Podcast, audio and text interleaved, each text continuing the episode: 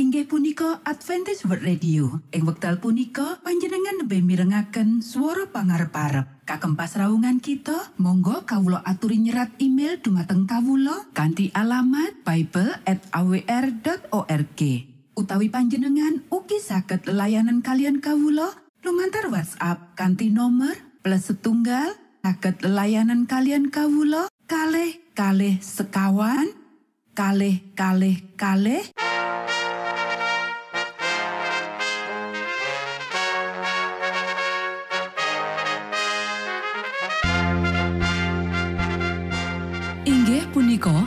Adventist World Radio ingkang giaran kanti basa Jawi.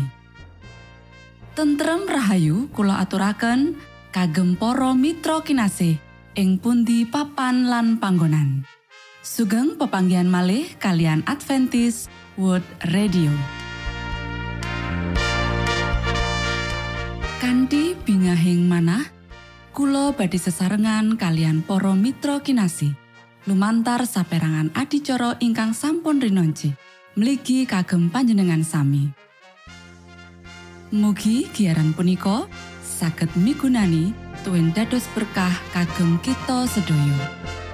Sugeng midhangetaken Gusti amberkahi.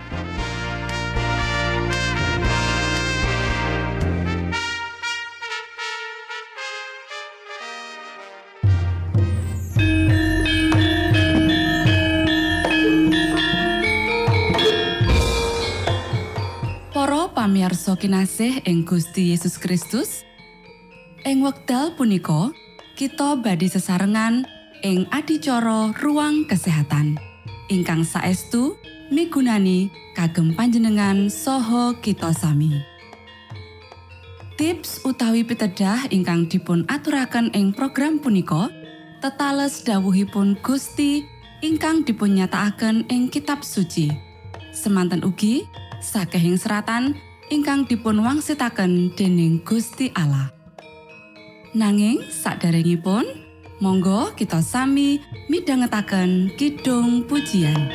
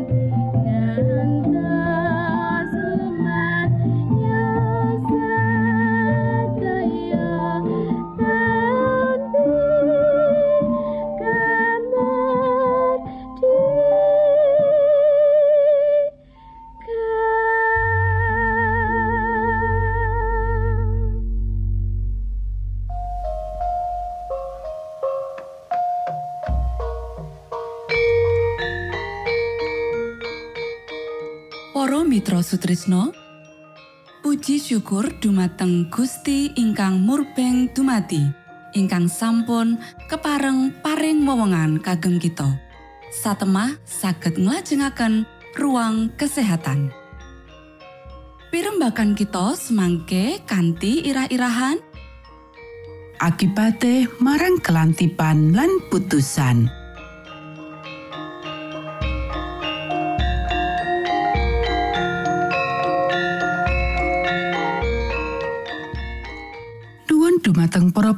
Pamiarsa ingkang dahat kinurmatan, sugeng pepanggian malih kalian kula Isti Kurnaidi ing adicara ruang kesehatan.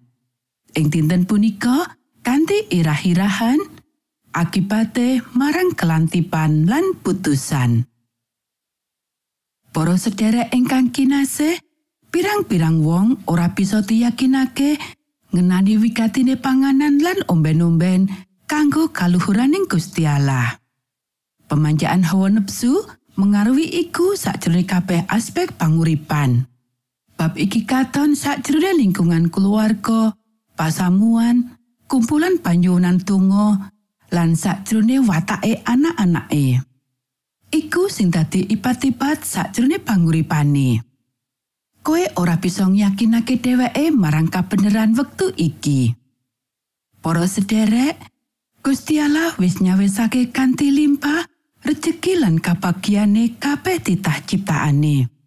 Menawa angger-anggere ora diterak lan kabeh wong mlaku selaras karo karsaning ilahi, mula kesehatan, ketentreman, lan kabagian bakal dialami kantine kasangsaran lan piolo sing terus-terusan.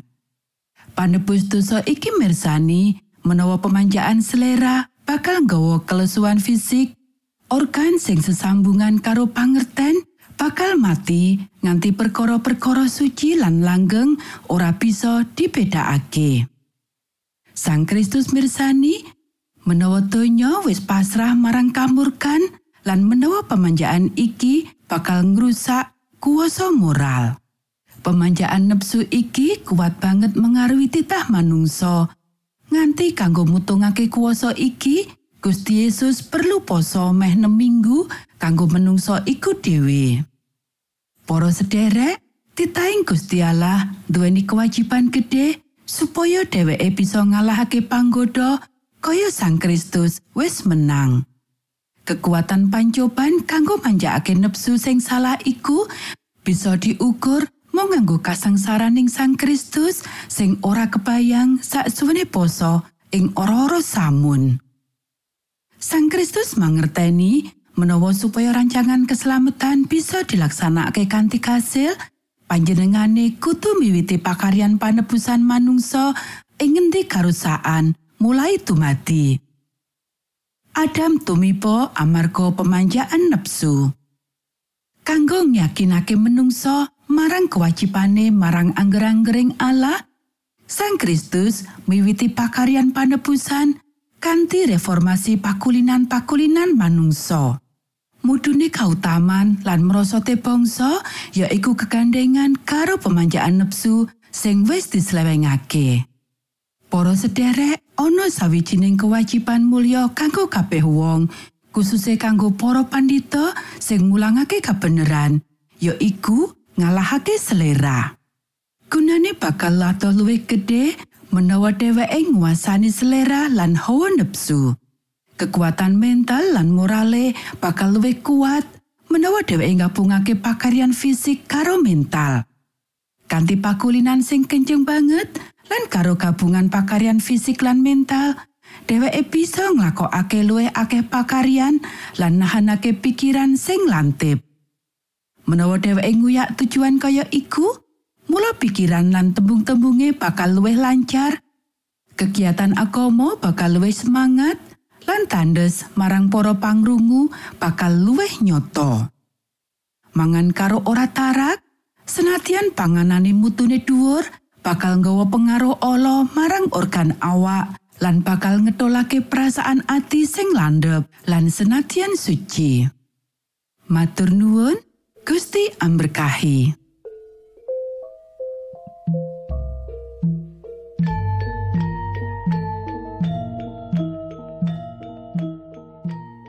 Bab semanten pimbakan ruang kesehatan ing episode dinten punika.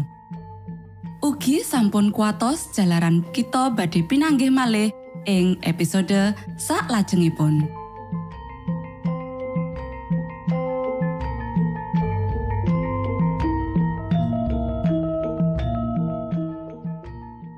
Inggih punika adicara ruang kesehatan.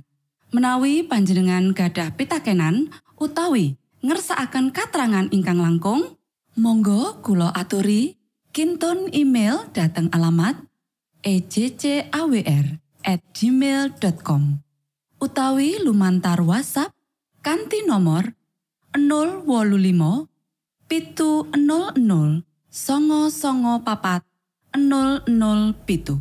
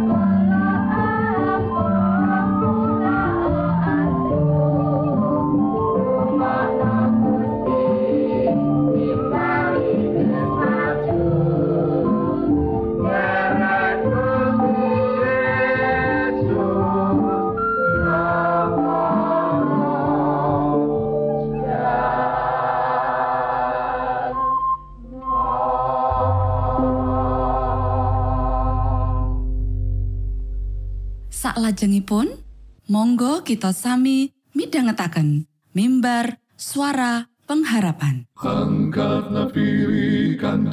Pawarto Sang Kristus paderamu. Pro umat samyo puji asmanyo Sang Kristus paderamu. Inggih punika mimbar suara pengharapan. Ing episode punika kanthi irah-irahan Coro-coro lan tanggepane Gusti Yesus. sugeng minangka tondo Sang Kristus paderamu Ilmu kawero tambah tambah Sang Kristus paderamu Paderamu Paderamu Sang Kristus paderamu Shalom para pamiarsa ingkang kinasih wonten ing Gusti. Sakmenika kita badhe mitangetaken renungan Sabda pangantikanipun Gusti. Ing dinten punika kanthi irah-irahan cara-cara lan tanggepane Gusti Yesus. Para sedherek ingkang kinasih, ing kitab suci nyatakake marang kita menawa para ahli Taurat kuwi tekane mung kanggo nyopani Gusti Yesus. Nanging Gusti Yesus pirsa maksude. Pancen bener, Gusti Allah kuwi mirsani pepinginan lan pangarep-arepe ati kita luwih saka kang kita mangerteni. Samestine uga kita ora mangerteni ati utawa kekarepane wong-wong kang unjuk pitakonan marang kita ta.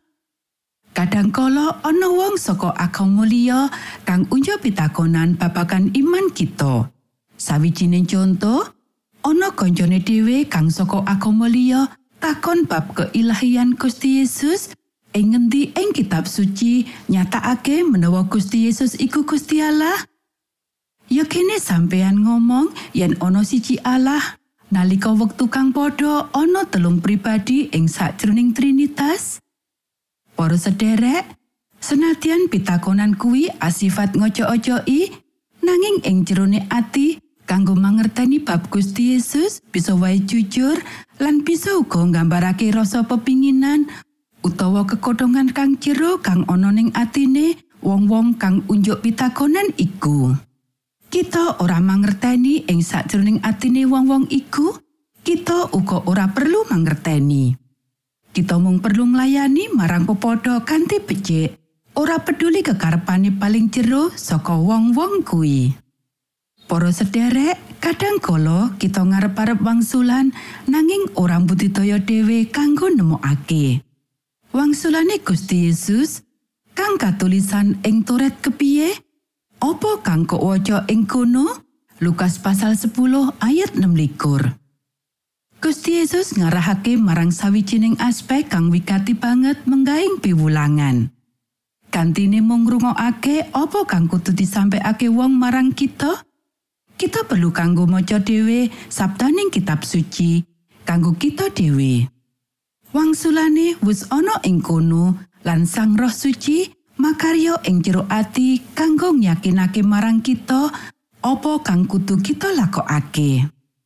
Para sederek, Gusti Allah wis paring sabdane marang kita. Ing sakjroning kita bisa nemokake sakabehe kabeneran kang kita perlu mangerteni, yaiku babagan kepiye kita kudu urip, babagan kepiye kita ngadepi wong liya, lan kepiye carane kita bisa pikantuk urip kang langgeng. Mesti wae ana andil saka para pendeta, para guru. Nanging ing pungkasane, kita dhewe kudu maca lan nyinau kitab suci kanggo goleki kebenaran kang wigati iku. Jabur pasal 119 ayat 105 Pangantika patuko punika tilah wonten ing ngajengipun suku kawula sarta pepadanging margi kawula. Ayat iki tutumung geguritan. Kuwi ngono sawijining kabeneran kang suci kang ngarahake kita marang sabda pangantikaning Gusti Allah lan wigatine sang sabda kuwi menggaing umat kang pracaya. Monggo kita sami ndedonga. Duh Rama kawula ingkang wonten ing swarga, asma patuko mugi kasucikaken. Kraton patuko mugi rawuh, karsa patuko mugi kalampahan wonten ing bumi kados dene wonten ing swarga. Kawula mugi kaparingan rejeki kawula sak cekapipun ing dinten punika. Saha patuko mugi ngapunten kalepatan kawula kados dene kawula inggih ngapunteni tetiang ingkang kalepatan dhateng kawula. Punapa dene kawula mugi sampun ngantos katantukaken dhateng ing panggoda nanging mugi sami patuko uwalaken saking piawon. Awit dene patuko ingkang kagungan kraton saha wisesa tuen kamulyan salami laminipun. Amin.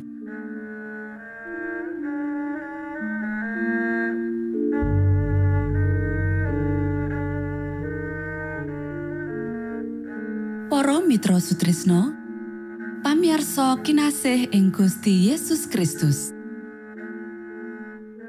sampun paripurno pasamuan kita ing dinten punika menawi panjenengan gadah pitakenan utawi ngersaakan seri pelajaran Alkitab suara nubuatan Monggo Kulo aturi kinton email dateng alamat ejcawr gmail.com utawi lumantar WhatsApp kanti nomor 025 pitu 00 songo songo papat 00 pitu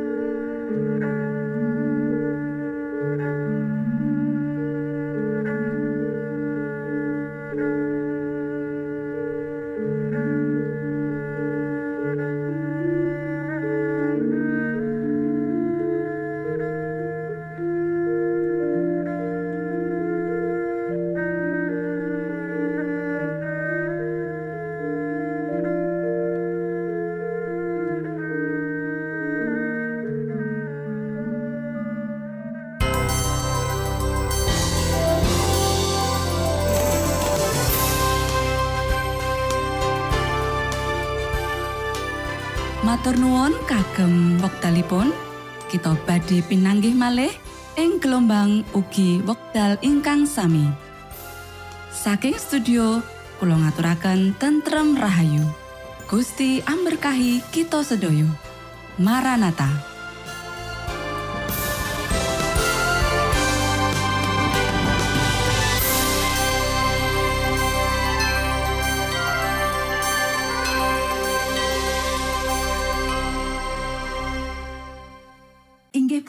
Adventist World Radio. Ing wekdal punika panjenengan lebih mirengaken swara pangarep-arep. Kagem pasraungan kita, monggo kawula aturi nyerat email dumateng kawula kanthi alamat bible@awr.org. Utawi panjenengan ugi saged layanan kalian kawula lumantar WhatsApp kanthi nomor plus setunggal saged layanan kalian kawula kalih kalih sekawan kalih kalih kalih